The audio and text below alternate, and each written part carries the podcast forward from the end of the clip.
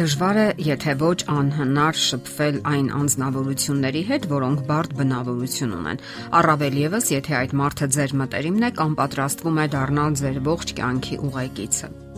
Խոսքն այս դեպքում երիտասարդական հարաբերություններում դրսևորվող բարդ, ծանր կամ ուղակի անհնար երկխոսության մասին է։ Հարկավոր է երկար մտածել, իմաստ ունի արդյոք կյանքը կապել այնպիսի մեկի հետ, ով պատրաստ չէ ձեզ լսել կամ լսում է այնպիսի պայմաններով, որոնք անընդունելի են ձեզ համար։ Ամուսնությունը շատ կարևոր որոշում եւ ընտրություն է յուրաքանչյուրի համար, սակայն այն պետք է կայացվի կողմերից յուրաքանչյուրի համար լիովին ընդունելի պայմանների հիման վրա։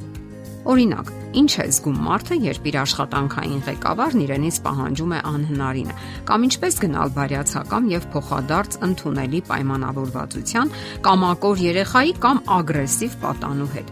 Իսկ ինչպես կարելի է պաշտպանվել ձեռնացություն անող գործընկերոջից։ Կամ իշտեղը ցույց տալ այն այցելուին, որը հավակնություններ ունի, կամ էլ հրահրող եւ անհիմն պահանջներ է ներկայացնում։ Նույնը վերաբերում է այն դեպքերին, երբ գործ ունենք, այսպես ասած, անադեկվատ ամուսնու կամ ճափից ավելի ուշադրություն պահանջող ծնողների հետ։ Ահա այսպիսի իրավիճակներ պետք է հաշվի առնեն երիտասարդները, երբ որոնում են իրենց կյանքի ընկերոջը։ Պատրաստ եք ձեր կյանքը կապելու մեկի հետ, որը հնարավոր առիթներով այդպիսի իրավիճակներ է ստեղծում կամ հրահրում է Եվ ահա հարաբերություններ հաստատելով հակառակ սեռի եւ ձեզ համար համակրելի երիտասարդի հետ պետք է ծրագրավորեք ձեր անելիքները։ Պետք է որոշեք զրույցի թեման։ Իսկ չեք զգում լարվածություն չկա նման զրույցներից առաջ։ Իսկ միգուցե ներքուստ խուսափում եք գնալ հարաբերությունների, սակայն դիմացինը պահանջում է դա։ Պարզապես իմացեք, որ ցանկացած հարաբերություն պետք է լինի հավասարազոր ուժերի հարաբերություն։ Չպետք է լինեն ուժեղներ կամ թույլեր Հարցերը չպետք է լուծվեն ձայնը բարձրացնելով կամ ուժի դիրքերից։ Փորձեք հասկանալ, ինչն է դրթում դիմացինին ճնշելու ձեզ։ Չէ որ ցանկացած զրույց պետք է լինի ինչպես հավասարը հավասարի հետ։ Իսկ երբ զգում եք, որ տրամաբանական փաստարկներն անօգուտ են եւ դիմացինը պատրաստ չէ դրան, ուրեմն այդ հարաբերությունը եւ հետագա ընթացքը պարզապես անօգուտ է։ Չէ որ դուք չեք պատրաստվում ամբողջ կյանքում ապրել սթրեսի մեջ ամուսնությունը սթրեսի աղբյուր չի կարող լինել։ Մի քանի խոսք էլ սթրեսի մասին հատկապես երկարատև ու քրոնիկական, որովհետև սխալ ընտրությունը կարող է նպաստել դրան։ Դա կարելի է անվանել ճակատագրի հարված, որն իսկապես կարող է լրջորեն վնասել ձեր նյարդային համակարգը։ Իսկ երբ սթրեսային իրավիճակները դառնում են տևական ու անընդհատ, կարող են վերածվել նևրոզների։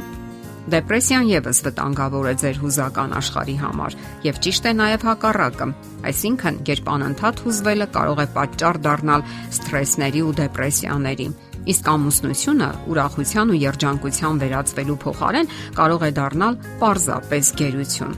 Ընդհանրապես ոչ հավասարակշիռ մարդու հետ զրույցը համեմատում են հսկաների դեմ պայքարի հետ, երբ շատ կարևորվում է ինքնատիրապետումը պահպանելը։ Իմացեք, որ անհավասարակշիռ մարդու հիմնախնդրի արմատները մանկուց եկող հիմնախնդիրներ են, երբ ծնողները սխալ կերպով են դասյարակել նրան։ Հնարավոր է նրան ավելորդ երես են տվել կամ քննադատել, անտեսել, Այս դեպքում երիտասարդն ընկնելով ոչ սովորական իրավիճակների մեջ իրեն սխալ եւ ոչ հավասարակշիռ է պահում։ Հասկանալի է նաեւ, որ ամուր, կայուն ու հավասարակշիռ մարդիկ նույնպես կարող են սթրեսային իրավիճակում սխալներ ու վրիպումներ թույլ տալ։ Հաշվի առեք նաև, որ մեզնից յուրաքանչյուրի մեջ որոշ չափով նստած է անհավասարակշիռ մարդը կամ յուրատեսակ խենթը, եւ բոլորս կարող ենք լուրջ վրիպումներ թույլ տալ։ Իսկ ինչպես կարելի է վարվել նման դեպքերում։ Ընդհանուր առմամբ կարելի է փորձել parzabanել իրավիճակը, կարելի է փորձել գնալ փոխադարձ զիջումների կամ փոխհամաձայնության Դուք պետք է գնահատեք նաև ինքներդ ձեզ։ Իսկ միգուցե դուք էլ ունեք սխալներ կամ բնավորության բարդ որակներ։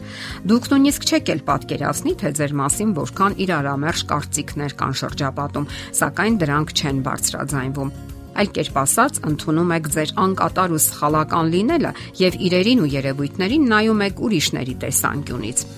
Սկսեք վերլուծել ձեր կյանքի կարևոր իրադարձությունները, որոնք հիշում եք ձեր մանկությունից ի վեր։ Ինչպիսի հետք են թողել դրանք ձեր կյանքում, ինչպիսի հակազդեցություն եք դրսևորել, ինչպես եք փորձել հաղթահարել դրանք եւ ինչպես եք կարգավորել ձեր հարաբերությունները այլ մարդկանց հետ։ Դա կօգնի ձեզ հասկանալու այն բացասական նստվածքները, որոնք կուտակել եք ձեր հոգում տարիների ընթացքում եւ որոնք կրում եք ձեր մեջ։ Այդպես դուք կարող եք հասկանալ ձեր ներկայարարքներն ու հակազդեցությունները այս կամ այն իրավիճակի հետ կապված։ Փորփրելով ձեր անցյալը դուք կնկատեք ձեր թույլ կողմերը այսպես ասած Աքիլեսյան գարշապարը եւ կկարգավորեք նաեւ ներկան, հասկանալով նաեւ ուրիշ մարդկանց։ Իսկ դա կնպաստի, որ ճիշտ որոշումներ ընդունեք, հասկանալով դիմացիներին եւ գնալով կառուցողական հարաբերությունների։ Խուսափեք նաև բառային ռումբերից։ Վեճերի ժամանակ դա ծանր հրետանին է եւ լուրջ ազդեցություն է գործում կողմերի վրա։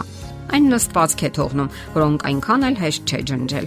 Պետք չէ լարվել կամ ավելորդ բաշկանալ, ավելի ճիշտ է սթափ որոշումներ ընդունելը եւ դրանք կյանքի կոչելը։ Ամուսնությունը ամբողջ կյանքի համար է եւ հարկավոր է լրջորեն պատրաստվել դրան։ Ուրեմն, ձեր որոշումները կայացնելիս մի առաջնորդվեք զգացմունքներով կամ այս ռոպեական որոշումներով։ Եթերում ճանապարհ երկուսով հաղորդաշարներ։ Ձեզ հետ է Գեղեցիկ Մարտիրոսյանը։ Հարցերի եւ առաջարկությունների համար զանգահարել 033 87 87 87 հեռախոսահամարով։